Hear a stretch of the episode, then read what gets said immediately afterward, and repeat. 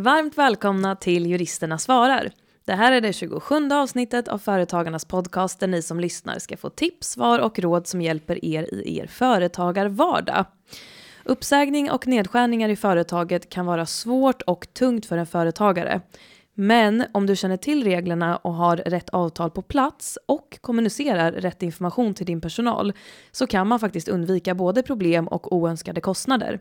Så, hur ser reglerna för uppsägning på grund av arbetsbrist ut egentligen? Och vad händer när företaget använder de här reglerna i praktiken? Det ska vi prata om i dagens avsnitt.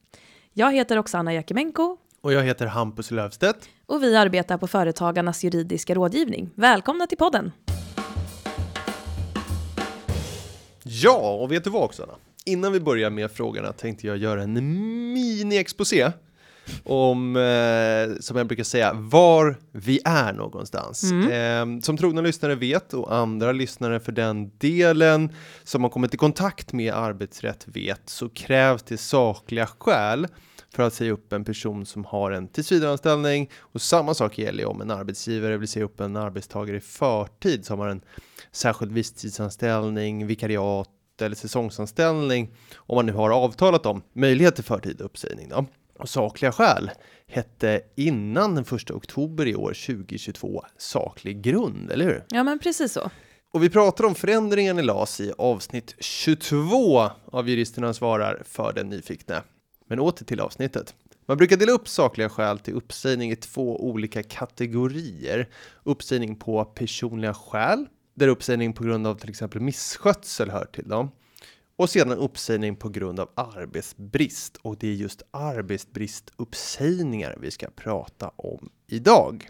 Ja, men precis. Och det här är ju ett ämne som vi har eh, peggat upp för länge, eller hur Hampus? Det stora arbetsbristavsnittet. Det stora arbetsbristavsnittet. Exakt, och vi tänker att vi ska svara på, på mer specifika frågor som vanligt. Men visst tänkte du att innan vi går på de specifika frågorna så vill du bjuda på en kort sammanfattning om hur liksom övervägandena och processen ser ut vid en arbetsbristsituation? Ja, men just så. Eftersom repetition är all kunskaps moder, som Anders och Måns brukar säga, så kör vi ett sammanfattningsrace först och specifika frågor sen.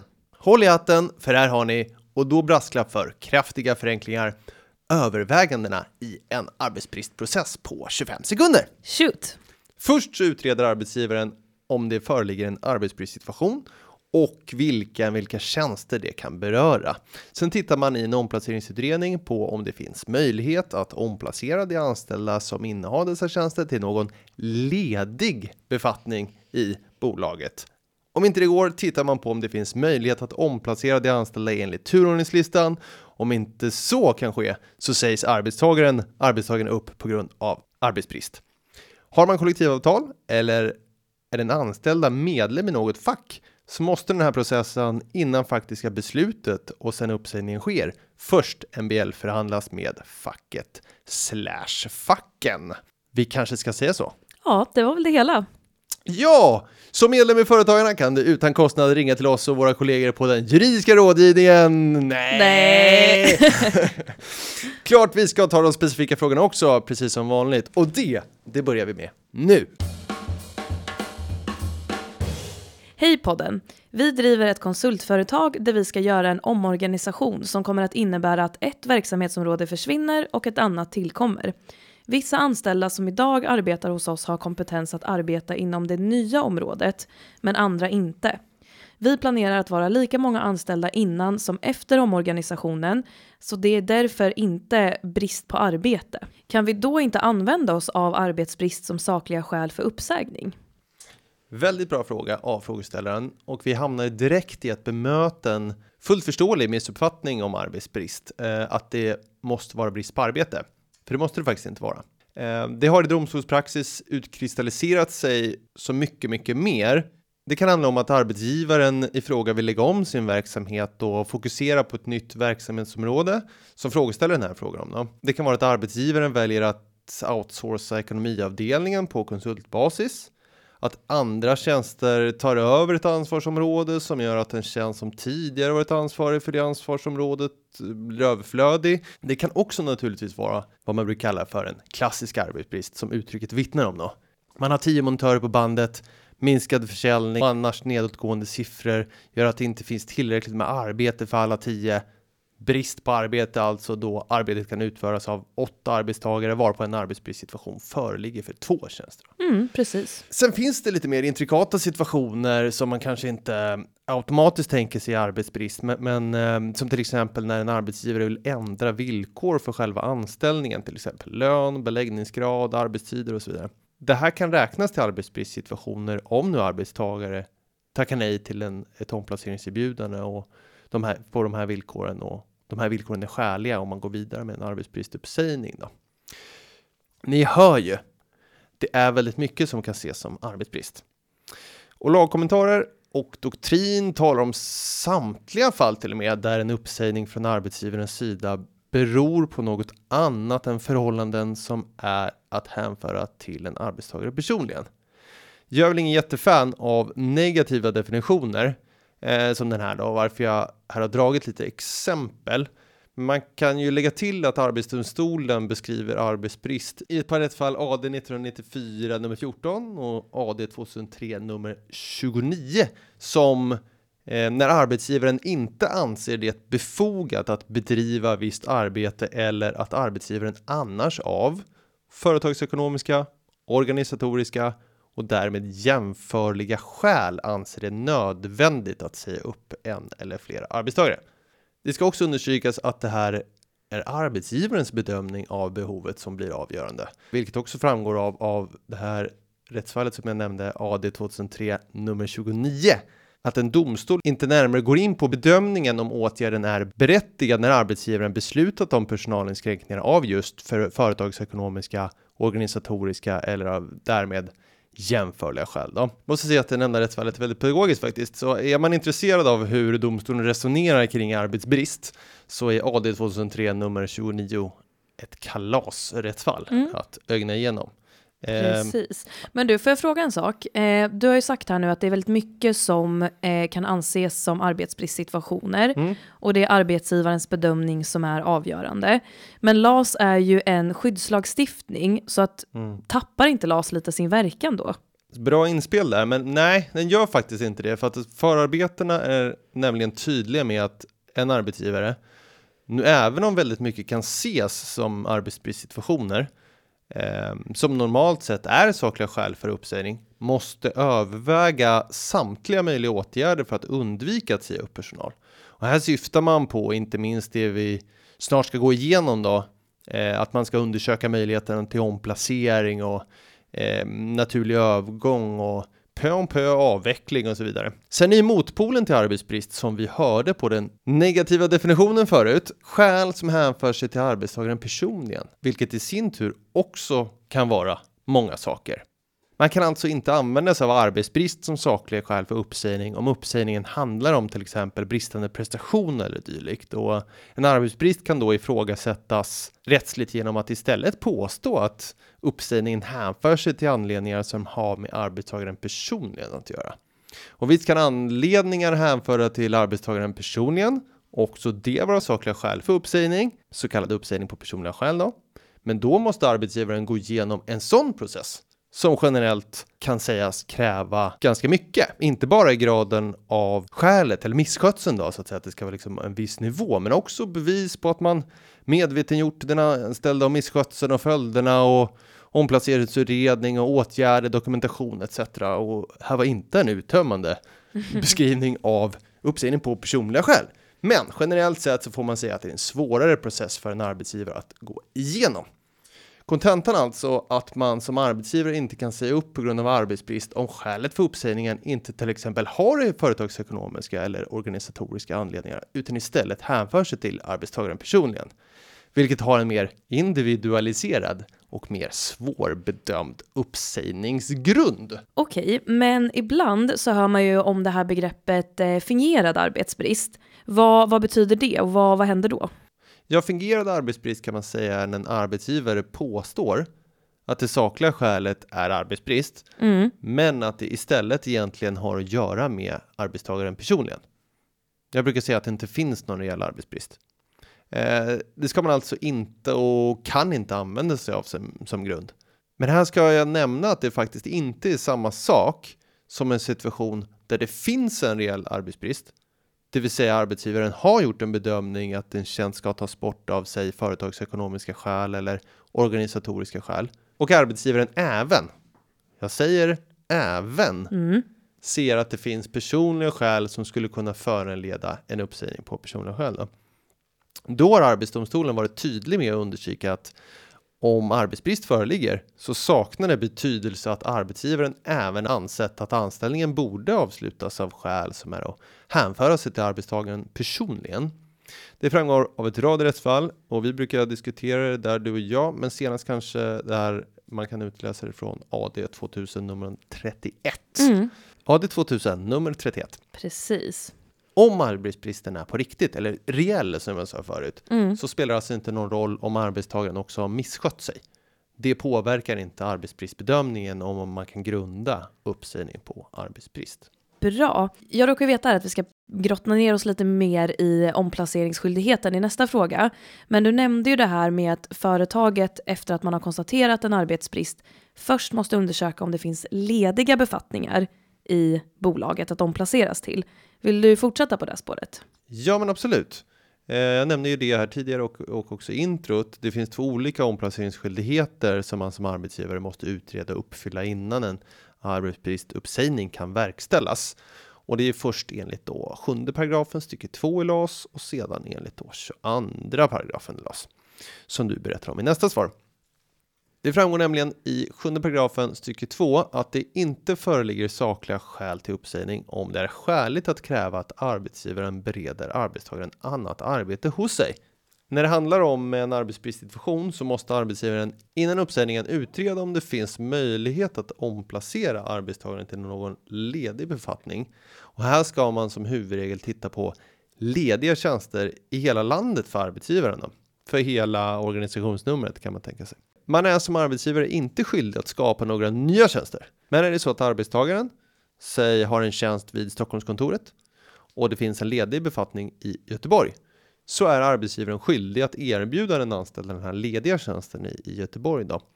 En förutsättning eh, för det här är dock att arbetstagaren har tillräckliga kvalifikationer till den tjänsten.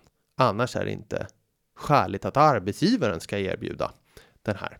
Eh, varför jag berättar om den här omplaceringsskyldigheten till ledig befattning i en fråga om vad man kan använda sig av som skäl för uppsägning är just den här formuleringen som jag läste upp att sakliga skäl inte anses förelägga om det är skäligt att arbetsgivaren ska omplacera till ledig befattning. Så man skulle ju kunna säga att en arbetsbrist inte finns om man eh, inte har undersökt möjligheten att omplacera. Mm, precis, det skulle jag nog säga. Så den uppmärksamma lyssnaren hörde ju kanske att jag svarade på frågan redan vid första 30 sekunderna i det här svaret.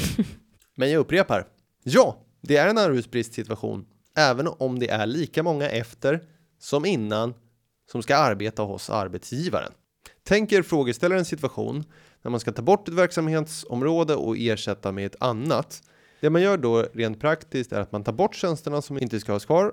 Man erbjuder omplaceringserbjudanden till de nya tjänsterna till de arbetstagare som har tillräckliga kvalifikationer för de här nya tjänsterna. För det andra så tittar man vidare på om det finns omplaceringsmöjligheter enligt 22 paragrafen och turordningslistan. Och finns det inte det så blir det en arbetsbristuppsägning. Ett litet medskick är att det alltid är att rekommendera att lämna skriftliga omplaceringserbjudanden av bevisskäl och dokumentera de här svaren.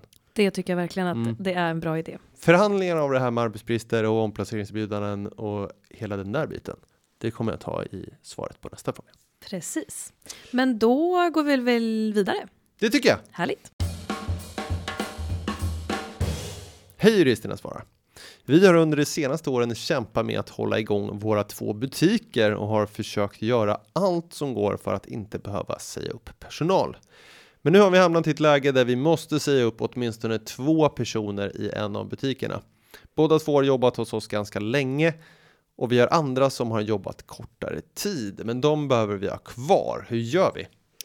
Ja, eh, låt säga att lyssnaren i det här fallet då har konstaterat att det inte finns några lediga tjänster i företaget eh, som de här personerna eh, kan erbjudas, då hamnar vi som sagt i den här berömda turordningslistan. Just. Eh, och när vi letar efter lediga tjänster att, att omplacera till så tittar vi ju som du sa Hampus i hela företaget. Mm. Men när vi ska fastställa en turordningslista, då gör vi det utifrån varje driftsenhet. Ja, just det. Nu, nu är vi i 22 paragrafen och inte i sjunde som jag var i förut då. Mm. Och en driftsenhet säger du. Vad är det för någonting? Ja, eh, som huvudregel så är ju en driftsenhet en geografiskt avgränsad plats, så till exempel ett eh, inhägnat område eller en adress. Eh, och om lyssnarens butiker ligger på två olika adresser så tillhör ju då de anställda två olika driftsenheter och därmed två olika turordningslistor. Och eh, i det här fallet så ska ju lys lyssnaren upprätta en turordningslista som innehåller de anställda som jobbar på den driftsenheten, alltså på den butiken som har drabbats av arbetsbristen. Men innan man fastställer turordningslistan så får arbetsgivaren undanta högst tre arbetstagare som enligt arbetsgivarens bedömning då är av särskild betydelse för den fortsatta verksamheten. Och att undanta då en eller två eller tre personer från turordningslistan. Det innebär ju helt enkelt att den eller de personerna får stanna kvar i företaget och riskerar då inte att bli uppsagda på grund av den här arbetsbristen. Okej, kan du ge några exempel på vilka personer i ett företag som kan betraktas ha särskild betydelse för verksamhetens fortgång? Ja, alltså det beror ju egentligen helt och hållet på verksamheten. Det finns Just ju det. inga allmänna exempel som, eller liksom någon allmän lista som alla företag kan använda Nej. sig av. Men tanken bakom den här undantagsregeln, det är ju inte att det ska vara fritt fram för arbetsgivaren att undanta vem som helst.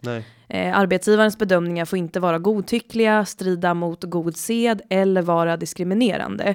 Utan här handlar det snarare om att de personer som undantas från turordningslistan, de ska vara av särskild betydelse för den fortsatta driften. Och där skulle man ju till exempelvis kunna tänka sig en person som har en eh, viss utbildning eller en viss kompetens som bara den i företaget besitter. Eller att personen inom snar framtid ska ta över verksamheten eller någonting liknande. Men det är som sagt upp till arbetsgivaren att, att göra den här bedömningen då. Men den ska inte vara godtycklig utan det ska kunna motiveras.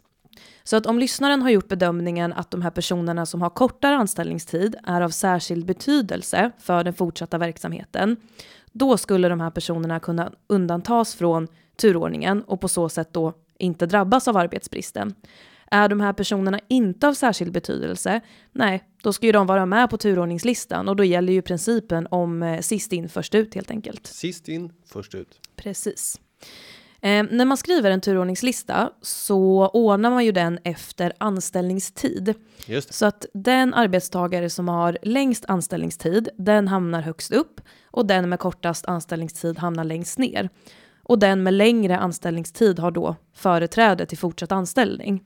Det. Och man kan väl också slänga in det här klassiken i att lagen om anställningsskydd är just skydd för anställning och det är inte skydd för tjänster. Och vad menar jag med det då? Jo, jag menar bara det att lagen om anställningsskydd med de här omplaceringsreglerna i 22 gör ju egentligen att man har verkligen förtur till att vara kvar som anställd, men kanske inte egentligen förtur till att ha den bästa tjänsten, vilket man kan hamna i en diskussion just beträffande vem som får vilken omplacering och sådär. Precis, Man kan hamna i en exakt. sån diskussion. Ja men precis, och jag skulle just komma in på det för att eh, om man är en arbetstagare då som har ganska lång anställningstid eh, och min tjänst tas bort. Mm. Eh, om jag har tillräckliga kvalifikationer för att ta en arbe annan arbetstagares tjänst som då har kortare anställningstid än mig, då puttar jag ut den med kortare anställningstid. Och det är liksom det som händer när man är inne här på turordningslistan. Det betyder inte att jag med lång anställningstid får ha kvar min befattning, utan det betyder snarare att jag kan omplaceras till en annan tjänst, förutsatt att jag har tillräckliga kvalifikationer för den. Ja, men just det. Och det är väl också så att man som huvudregel tittar på om, ni- om ni ser en lista på 10 eh, tjänster framför er och så är det tjänst 3 som ska tas bort. Så är det ju då framför, då börjar man ju i, som huvudregel nerifrån och tittar på Mm. nummer 10. Är det den som man kan omplaceras till? Mm. Nej, nian då kanske, åttan då kanske. Mm, Jag precis. säger huvudregel för att det finns ett par rättsfall som tittar närmare på det där. Men det är ändå en huvudregel som jag tycker att man kan utgå från. Mm, ja, men jag håller med. Och, och det man också ska ta med sig, det är ju då också att de personerna vars tjänster tas bort, det är inte säkert att det är just de personerna som också kommer bli de som är uppsagda, utan det beror just på hur deras anställningstid och kvalifikationer förhåller sig till de andra arbetstagarnas anställningstid och kvalifikationer och befattningar. Ja, men just det.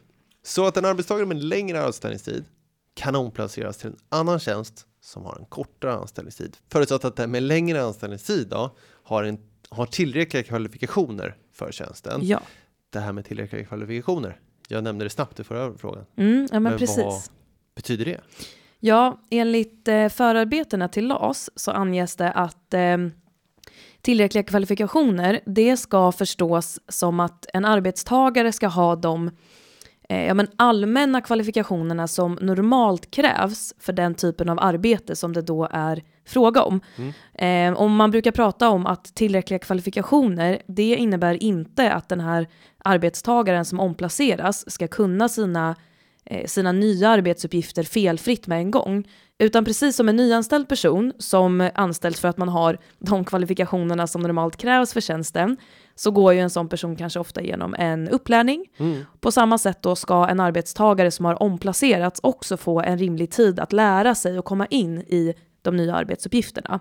Ska jag vara helt fräck och ta upp det här med eh, rimlig tid man kan förvänta sig på upplärning? Ja, men det kan vi väl ändå göra. alltså, vi brukar väl prata om 3 till 6 månader? Ja, det brukar vi göra. Beroende på storlek på bolag. Ja, förstås. Men ungefär 3 till 6 månader ska en person som omplaceras då ha, få på sig att lära sig sina nya eh, arbetsuppgifter. Men, men däremot då så kan ju en arbetstagare inte göra anspråk på tjänster som kräver ja, men speciella yrkeskunskaper eller som då inte kan fås utan omskolning eller yrkesvana och inte då heller tjänster som kräver eh, ja, men någon särskild behörighet. Som vi sa då, man brukar prata om de här tre till sex månaderna på sig som man har Mm. att lära sig. Och då säger det sig självt att man kan inte gå en treårig högskoleutbildning Nej. eller skaffa sig två års arbetslivserfarenhet inom ett visst fält under den tiden då. Precis så.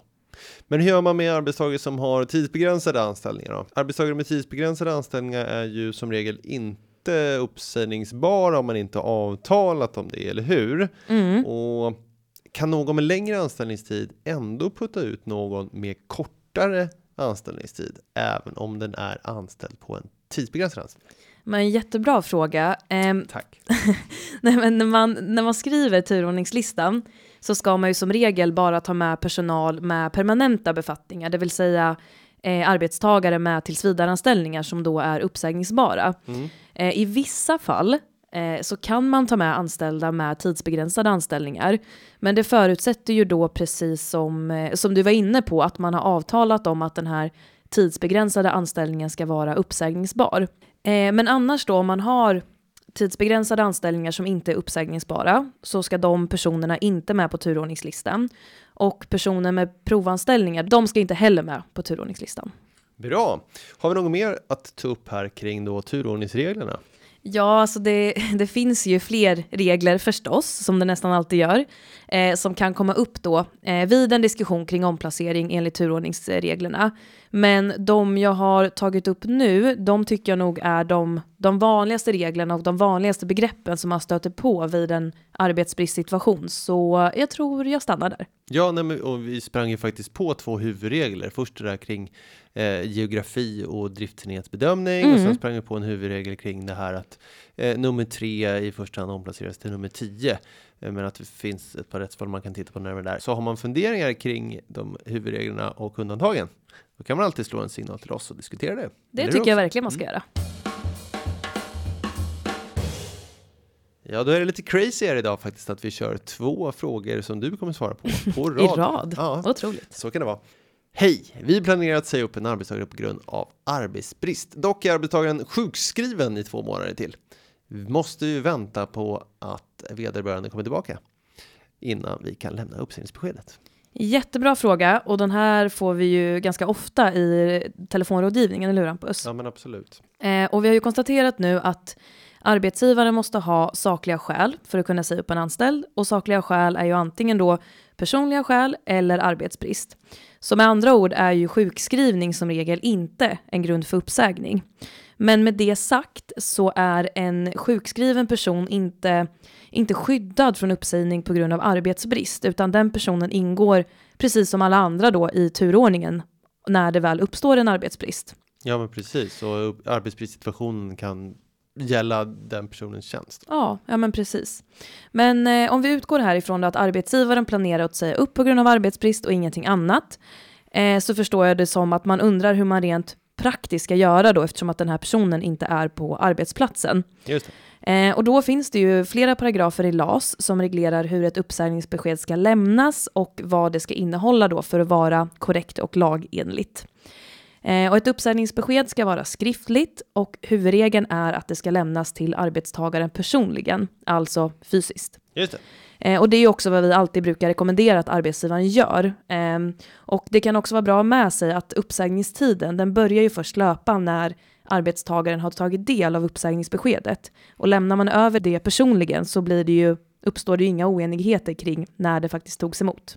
Nej, men just då, om man använder våra blanketter för det så, så finns det också att man signerar den som arbetstagare. Så då har båda varsitt exemplar.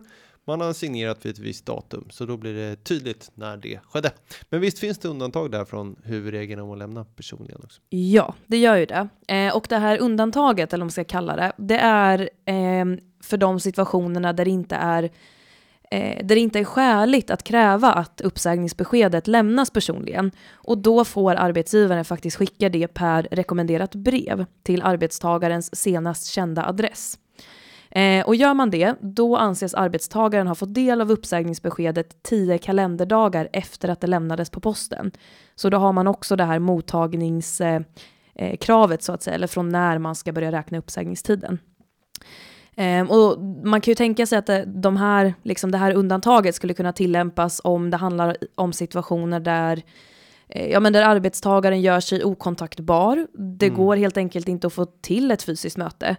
Ehm, Eller så finns det faktiskt ett rättsfall här från 2021 där arbetstagaren hade sjukanmält sig för oviss framtid för symptom som kan tyda på att hen hade en allmän och samhällsfarlig sjukdom.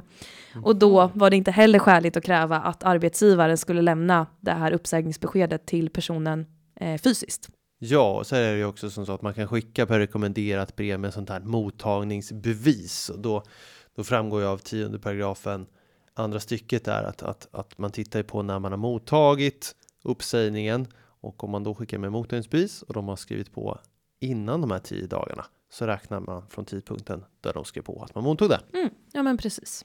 Men nu, om man nu har ett fysiskt möte, man kan alltså överlämna den här uppsägningen personligen Mm. eh, och arbetstagaren inte vill skriva på uppsägningsbeskedet. Hur är det med det?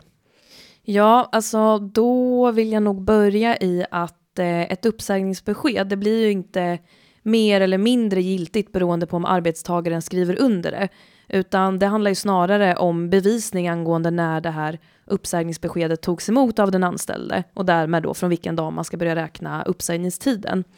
Eh, och jag skulle nog säga att är det så att man redan på förhand misstänker att en anställd kommer att vägra att skriva på ett uppsägningsbesked, då skulle man ju till exempelvis kunna vara två personer från arbetsgivarhåll då, Mm. eh, som deltar på det här mötet när man ska lämna över beskedet. För då har man ju eh, vittne då som kan styrka eh, att och när det lämnades. Mm. Eh, och det kan också eh, liksom i övrigt vara bra att dokumentera situationen och vad som hände. Just för att kunna använda då det som underlag eh, och som bevisning då om det skulle behövas vid ett senare tillfälle. Men, men själva uppsägningsbeskedet då, det blir alltså inte ogiltigt Nej. bara för att arbetstagaren vägrar att skriva på. Utan har man lämnat ett uppsägningsbesked så ja, då är det liksom lagt kort ligger. Ja, en uppsägning är ju ensidig, eller hur? Det är en ensidig handling. Ja, men precis. Det är inte ett avtal. Och det där kan ju vara en vanlig missuppfattning Mm. kanske. Att den anställde tänker att nej, men om jag skriver på det här, då är det som att jag går med på någonting. Eller som Mm. att jag tycker att det är eh, bra till och med. Och så att är jag det ju... accepterar uppsägningen. Ja, precis. Och så är det ju alltså inte. Utan det handlar ju just om att kunna styrka, bevisa. Det har lämnats och när lämnades det. Mm. Men som sagt, det blir inte ogiltigt om arbetstagaren vägrar att skriva på. Jo, att förutom att det här uppsägningsbeskedet ska lämnas personligen så behöver det ju också ha ett visst eh, innehåll då för att vara korrekt.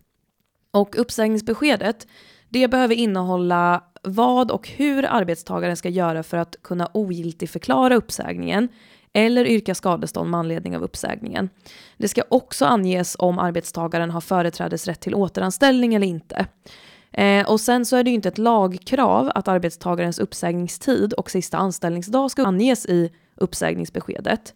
Men för att undvika eventuella missförstånd så, så tycker jag i alla fall att det är ju lika bra att inkludera så man vet. Ska vi helt enkelt eh, tipsa om att på vår hemsida så har vi en mall för uppsägningsbesked. Ja, och det ligger öppet för alla. Så att det vill man vara helt säker på att man, man gör rätt så ska man gå ner och ladda ner den mallen. Ja, men precis. Och sista anställningsdag. Hur vet man då hur lång uppsägningstid en anställd har? Ja, hur lång uppsägningstid en anställd har, det beror ju på hur länge man har varit anställd. Och då är det ju så himla snajdigt att det faktiskt står rakt upp och ner i elfte paragrafen i LAS eh, att för både arbetsgivare och arbetstagare så gäller en minsta uppsägningstid av en månad. Men om arbetstagaren har en sammanlagd anställningstid på minst två år, men kortare än fyra år, så gäller två månaders uppsägningstid. Om den sammanlagda anställningstiden är minst fyra år men kortare än sex år så gäller tre månaders uppsägningstid. Och eh, så håller det på tills, eh, tills den sammanlagda anställningstiden är minst tio år. Och då har arbetstagaren sex månaders uppsägningstid. Och det är alltså den längsta uppsägningstiden man kan ha enligt LAS.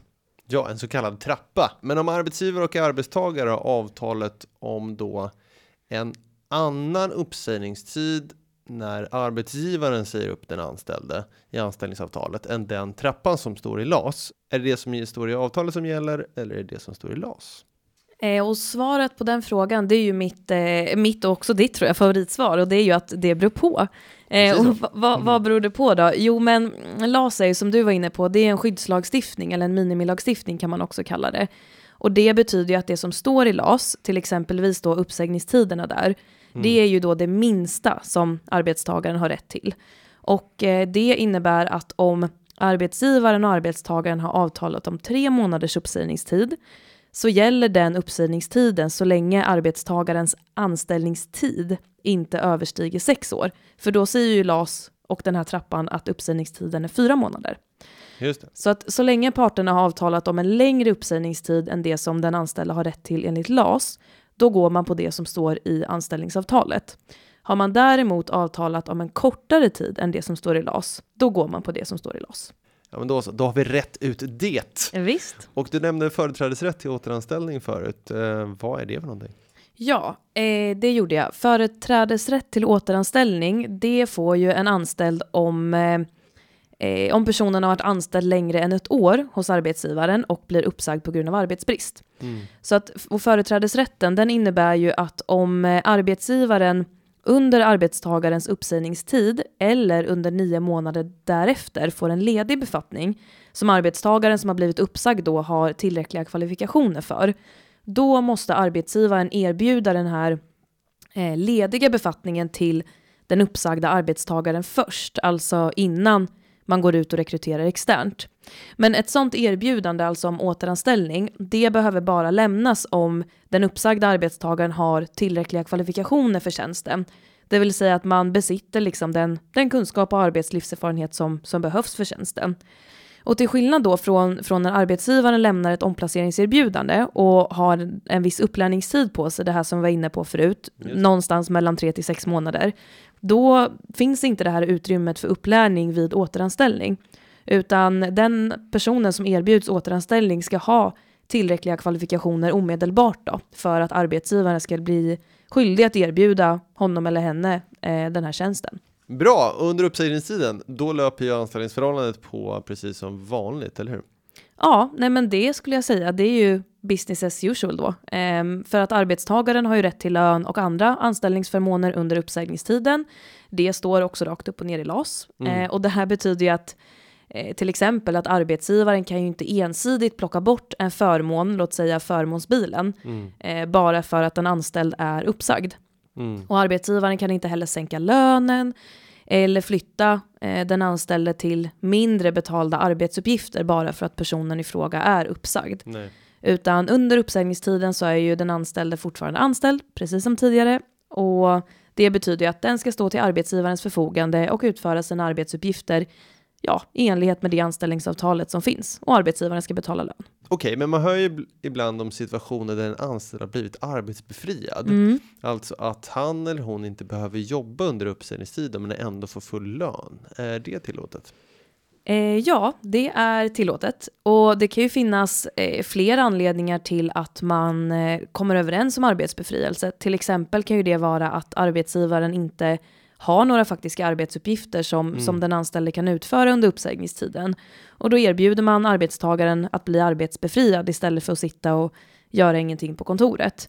Eh, och sen kan det också finnas ja, andra skäl till varför man, man landar i arbetsbefrielse, men vi rekommenderar väl alltid att man ska vara överens om det och att den här överenskommelsen också ska finnas i skrift. Men eh, utgångspunkten är ju att arbetstagaren har arbetsplikt under uppsägningstiden, för att ja, det är ju business as usual även under uppsägningstiden. Okej, men låt säga här nu att uppsägningstiden börjar ta slut och eh, anställningen upphör snart. Är det något särskilt man som arbetsgivare ska tänka på?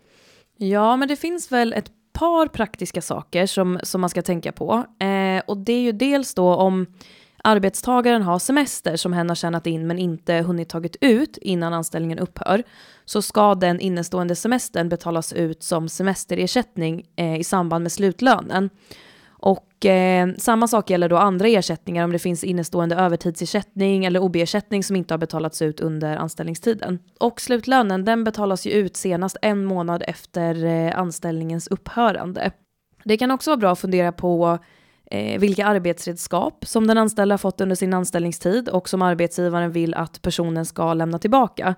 Eh, och där kanske arbetsgivaren inte vill ha tillbaka en, eh, en jobb-t-shirt eller en penna. Men däremot så vill man ju förmodligen ha tillbaka sin laptop eller en mobiltelefon, för det är ju arbetsgivarens egendom.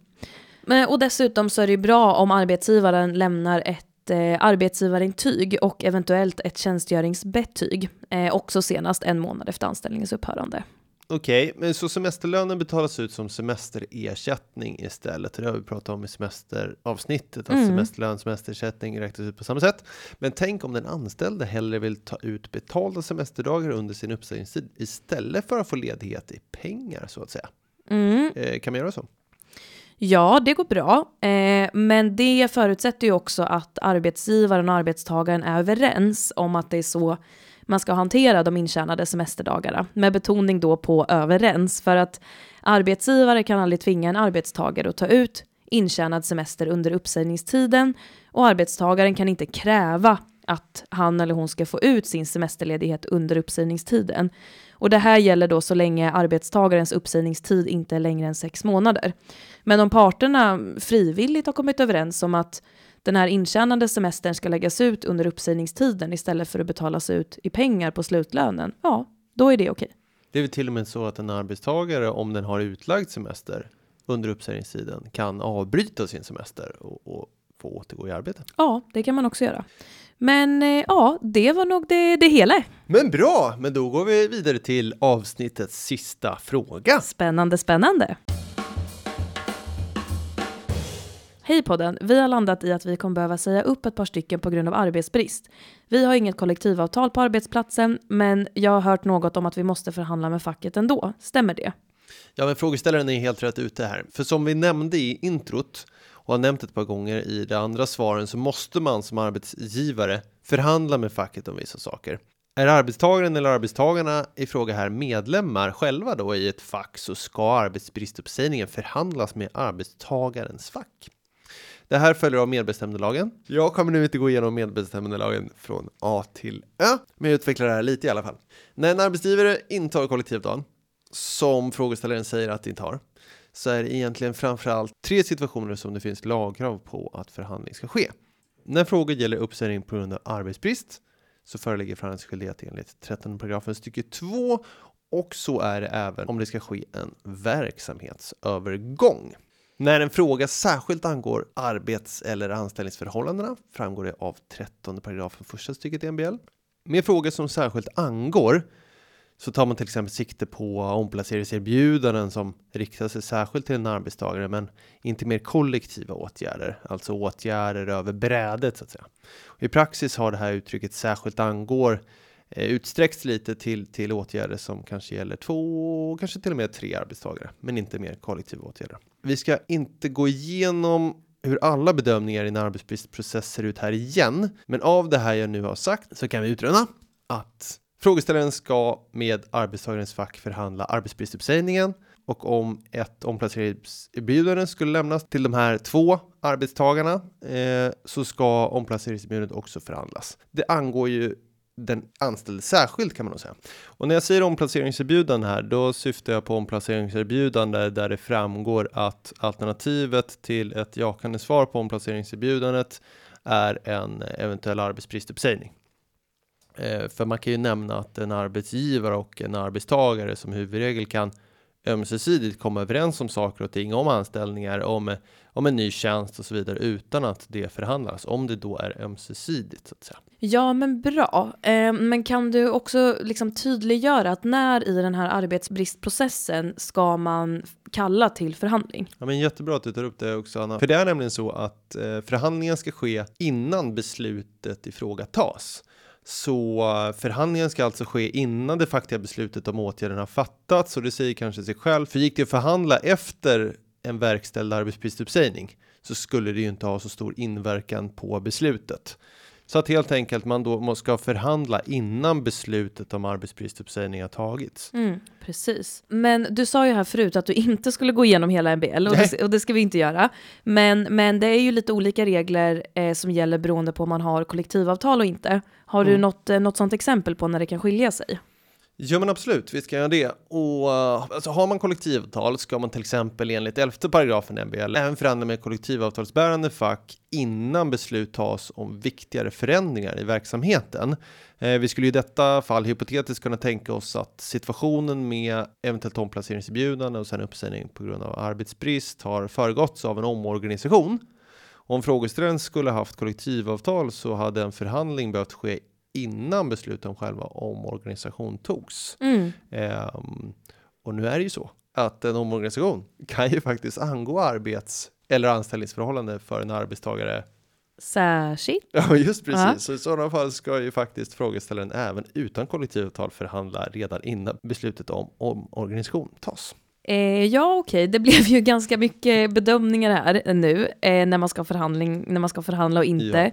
Ja. Eh, kan, man, kan vi försöka förenkla det här på något sätt, göra det lite mer tydligt? Absolut. Om en arbetsbristuppsägning är förestående kan man som arbetsgivare som inte har kollektivavtal göra det enkelt för sig och helt enkelt förhandla om organisationen, eventuellt omplaceringserbjudande och arbetsbristuppsägningen innan beslut om några av de här tagits um, och beträffande omplaceringserbjudandet då innan en sånt har lämnats över.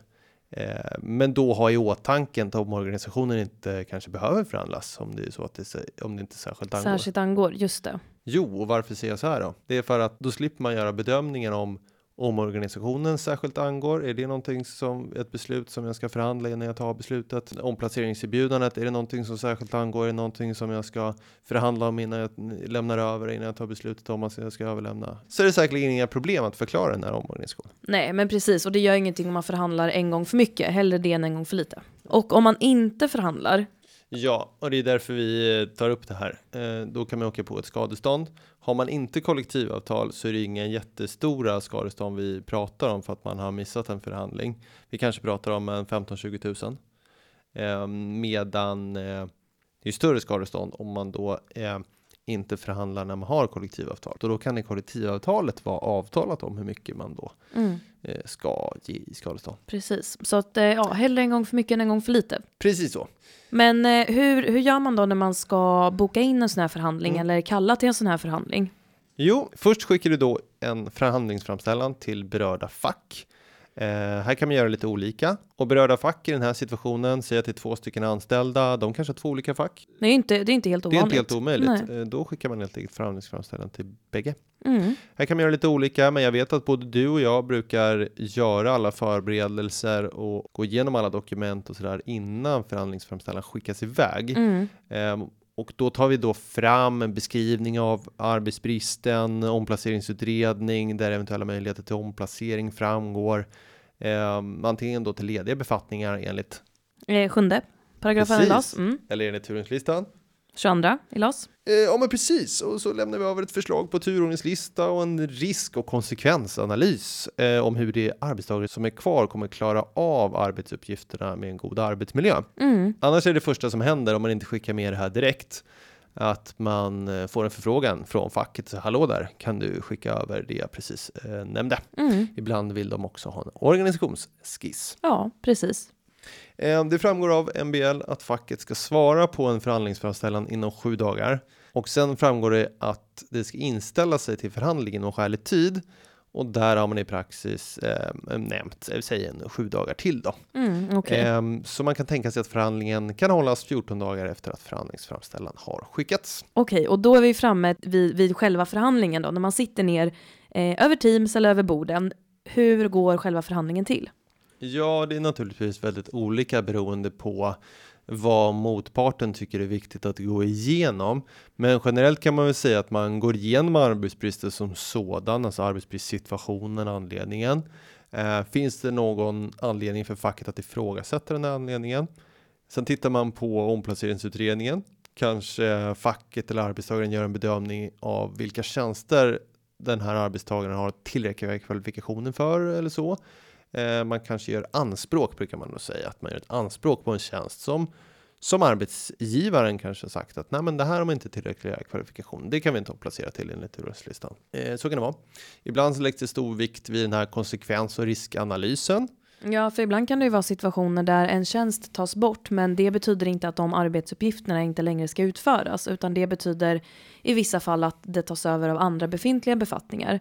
Ja. Och då är det ju en, en rimlig fråga, att, men hur ska någon som redan jobbar heltid kunna ta över eh, ytterligare arbetsuppgifter? Så att sådana saker kan man ju diskutera då under den här risk och eh, konsekvensbedömningen. Och där är ett medskick att om man inte använder sig om ombud, alltså att vi inte företräder eller, eller en arbetsgivarorganisation företräder eller så eh, arbetsgivaren, eh, att eh, vid en sån här risk och konsekvensbedömning, analys, eh, faktiskt se till att identifiera de risker ni ser. Eh, och sen förklara varför de här riskerna inte kommer påverka de kvarvarande anställda negativt. Mm. För att bara säga att det inte finns risker alls har jag i alla fall erfarenhet av att då, då tycker många fack att man inte har tagit den här konsekvens och riskanalysen på allvar. Och är man ett företag som är skyldigt att ha ett eh, skyddsombud så ska ju Mm. den här risk och konsekvensanalysen göras i samråd med skyddsombudet. Men, men oavsett då, som du sa, lägga ner tid på det och faktiskt sätta sig in i i hur kommer verksamheten se ut efter den här, de här arbetsbristuppsägningarna? Mm. Vilka utmaningar kan vi se och hur planerar vi att hantera de här eventuella Mm. utmaningarna? Ja, och till slut så diskuterar man egentligen det du pratade om i förra frågan. Mm. Eh, villkoren för uppsägningen. Är uppsägningstiden enligt LAS, den här trappan eller finns det någon annan längre uppsägningstid eh, avtalad i anställningsavtalet? Är båda parter överens om hur mycket semester som ska betalas ut och så vidare? Ska man diskutera arbetsbefrielse eller sådär? Mm. Ehm, ja, men lite sådär. Mm. Så går det till i korthet. Ja, det gör det. Mm. När man avslutar förhandlingen då skriver man ett förhandlingsprotokoll.